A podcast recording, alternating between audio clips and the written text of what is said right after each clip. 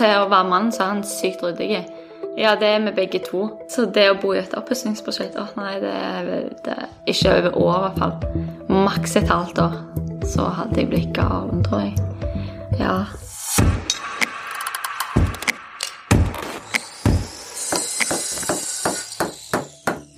Velkommen til Oppussingsmodus, en podkast fra Bate boligbyggelag som feirer 75-årsjubileet med å dele ekte historier om å skape et hjem.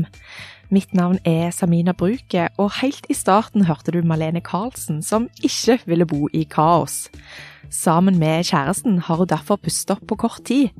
Og i denne episoden forteller paret om hvordan de fikk til det, på lavt budsjett. Vi har jo tenkt oss veldig godt om. sånn som når vi gikk inn på Opp, og skulle ha eh, få tak i gulv, så spurte vi jo om det billigste gulvet. Og det har vi jo egentlig gjort med alt. Det er jo de billigste listene, men samtidig så vil jo vi at de skal være sånn eh, Men jeg vil jo ha breie. Så det er jo billigste av de breie, da. Så vi har jo visst hva vi vil ha.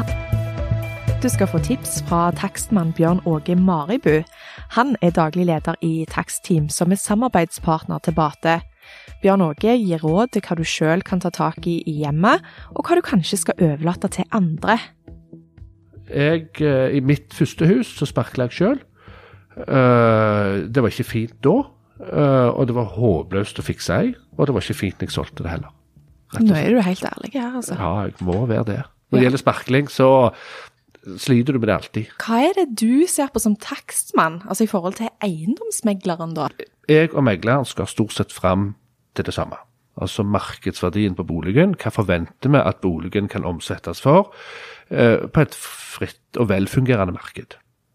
Eh, så vi reduserer den byggtekniske verdien med vedlikeholdsmangler og forskriftsmangler, og så legger man på en faktor for beliggenhet. Det gjør jo da at vi kanskje gjør et større fradrag på en eiendom eh, fordi det har vedlikeholdsmangler. Malene Karlsen og Håkon Hunsnes fortalte i siste episode om hvordan det ble til at de kjøpte i Varden borettslag i Sola. De falt for en rekkehusleilighet, men overflatene trengte litt ekstra kjærlighet. Paret hadde brukt det meste av pengene på selve boligkjøpet, så oppussingen måtte skje på budsjett. Rundt 130 000 kroner ble brukt på alt. Vi har uh, pustet opp badet uh, på en uh, økonomisk måte, holdt jeg på å si. Ny servant, ny dusj, ny dusjdør. Vi har eh, lagt nytt gulv eh, i hele leiligheten, eller rekkehuset. Vi har gipsa hele eh, alle vegger eh, i hele rekkehuset. Og vi har tapetsert på vårt soverom og malt alt. Ja, de har fått gjort mye. Mener takstmann Bjørn Åge Maribu. Eh, og det å male, om du velger å male gamle overflate eller male ny, så blir det jo nytt. Eh, det blir moteriktig. Du kan skifte ut lister, som det er gjort i dette tilfellet, og det vil ofte endre uttrykket. Hvorvidt man utelukkende skal velge det billigste, er jeg litt usikker på. På soverommet, ja. Eh, Der har du liten slitasje. I ei stue har du noe mer slitasje, og på et kjøkken med vannsøl og alt mulig. Jeg er ikke sikker på om det er fornuftig å velge det billigste. Det er det ikke. Men uh, de har fått gjort veldig mye med lite. Hva er liksom de tingene som lønner seg økonomisk, da? Hvis du forholder deg til billige overflater, for å være litt sånn kyniske, så maler man vegger. Uh, det er billig, men rører ikke kjøkken. For du velger det kjøkkenet du egentlig ikke vil ha sjøl, for du velger til pris. Eh, baderom kan du egentlig styre klar. Hvis du har et rosa, knæsj rosa bad, mal det gjerne, men ikke begynn med membraner, fliser, for igjen så velger du egentlig ikke det du vil ha, for du kjøper på budsjett. Ja, det gjelder de som pusser opp for å selge. Men dette paret har kjøpt et kjøkken de virkelig vil ha. Det mørke, utdaterte gamle med sprosser og upraktiske håndtak er bytta ut med et hvitt og stilrent kjøkken fra Ikea. Malene har både valgt det ut og skrudd det sammen. Nå mangler det kun å få ventilatoren opp og gå. Den hadde vi kjøpt, men siden det er åh, I dette Villa Vent heter det. Men vi hadde kjøpt Nei, Håkon, det er du som kan. Vi hadde kjøpt eh, en ventilator på Ikea med egen motor, men når du har Villa Vent, så sitter jo motoren i systemet. Eh, så da gikk vi tilbake med den, for vi tenkte at den kunne vi ikke ha, men så har vi òg hørt at du kan skru av eller koble fra motoren på vifta, sånn at Villa Venten blir motoren på en måte i vifta. Vi har utsatt den.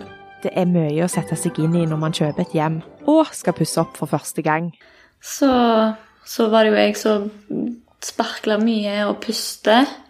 Det var jo en skikkelig drittjobb, for å si det sånn. Det var så mye eh, sånn eh, pussestøv.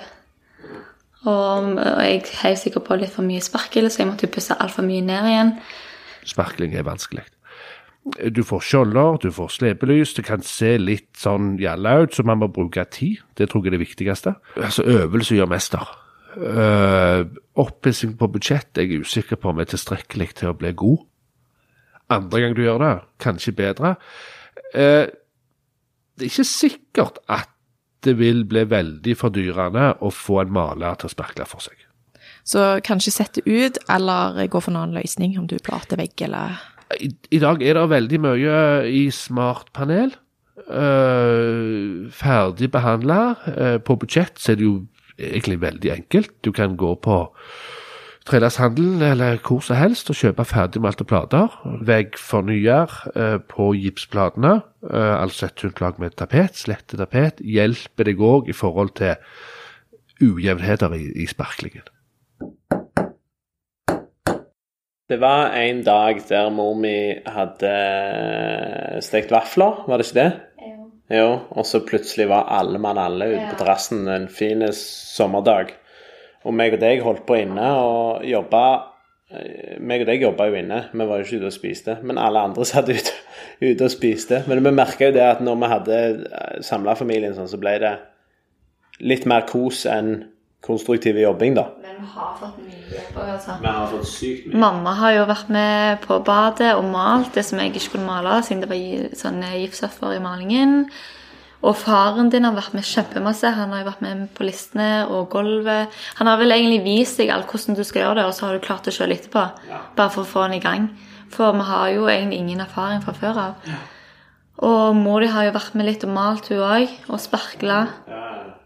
Søster di, som har òg fått mye hjelp, men det er litt sånn en dag her og en dag der. og ja. Mange har òg dyktige fagfolk i omgangskretsen. Dette paret har fått god hjelp fra Malenes bror, som er elektriker, og svogeren, som er rørlegger. Til og med en kar fra fotballbanen har stilt opp. Mm, så vi fikk jo hjelp av en kompis av deg til å eh, skjære benkeplater. Ja, en kompis på, på fotballaget som er tømmermann. Jeg sa til han at han skulle få en sekspakning med pils hvis han kom og hjalp meg med benkeplater. Så han var her i to timer, vel, og kutta den til og gjorde alt, egentlig. Så smukka han på. Hvis du får hjelp sånn som det, så må du være takknemlig for den hjelpa du får, og så må du ikke spørre Jeg var iallfall veldig på det at vi, vi kan ikke spørre om de kan komme hver dag. Altså en dag her og en dag der, og så må det gå på Og så må vi samle opp den. Ja, så må det gå på den som hjelper. Det må gå på den sine premisser, holdt jeg på å si. Det må passe for de. Kanskje presse noen til å hjelpe. Det er jo enklere da når du har faktisk mange i nettverket som kan hjelpe deg. Det er jo ikke alle som har det. Nei, det er ikke det. Eh, Og, og eh, man kan pusse opp så det blir galt. Hvis du monterer et kjøkken og ikke får skapene i samme høyde, så har du ødelagt det. Sant? Så man må bruke tid og spørre om hjelp. Eh, rør, vannrør, avløpsrør, elektrisk skal man ikke røre. Du kan nok koble på en stikkontakt eh, på en lampettledning, eh, og der stopper det egentlig. Det er krav til dokumentasjon på denne type anlegg. Du skal ha samsvarserklæring, så det skal man ikke røre. Er det fortsatt hobbyelektrikere der ute? Ja, ja. Eh, elektrikerne har vært veldig flinke eh, til å skjerme salg av sine produkter. Altså, før så var det vanskelig å få tak i stikkontakt, lysbrytere, kabel. Nå selges det over lav sko overalt. Eh, Du kan gå inn i hva, hva butikk du vil, så selger noe som hører til hus og bygg, så er det å få tak i. Eh, Så det gjøres mye sjøl, og det er, det er brannfarlig. Og er du maksimalt uheldig og faktisk alt har satt fyr på huset ditt sjøl, og du har gjort noe som er i strid med forskriften, eller du visste var galt, eh, så kan du miste en erstatning. Så, så styr klar. Det har ingenting med budsjett å gjøre. Det er å, å, å tulle med det elektriske. Det skal man bare være. Det skal man ikke gjøre noe med. Malene og Håkons oppussing har virkelig lønna seg. De har brukt fagfolk der man må, og der de har stått fast, og det andre har de klart sjøl. Ny verdivurdering viser 300 000 kroner opp, og minus de 130 000 de brukte på sjølve oppussingen, har de tjent godt på 35 dager med egenarbeid i hjemmet.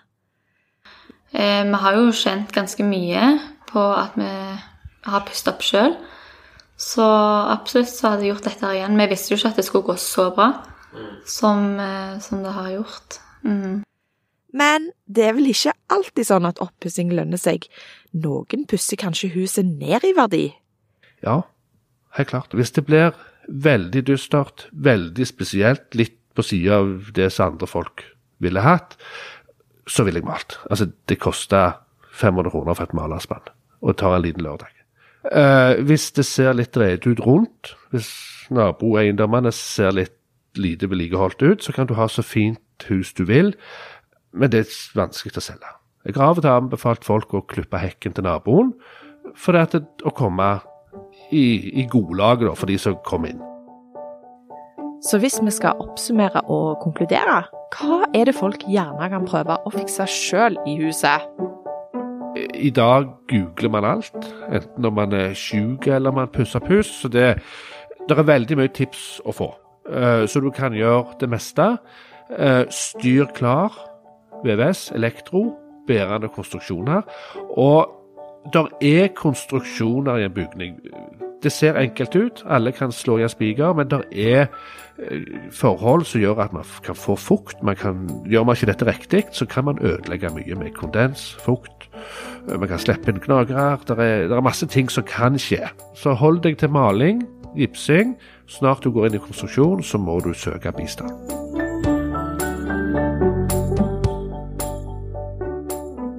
Nå er det tid for grønne tips fra Bate Skertner Dom Hokken. Det er endelig vår, og her får du innspill til vårryddingen.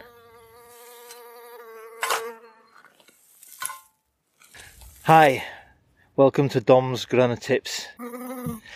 Snart så eh, begynner hagen din å våkne opp etter den dvale som eh, vi har hatt i vinter.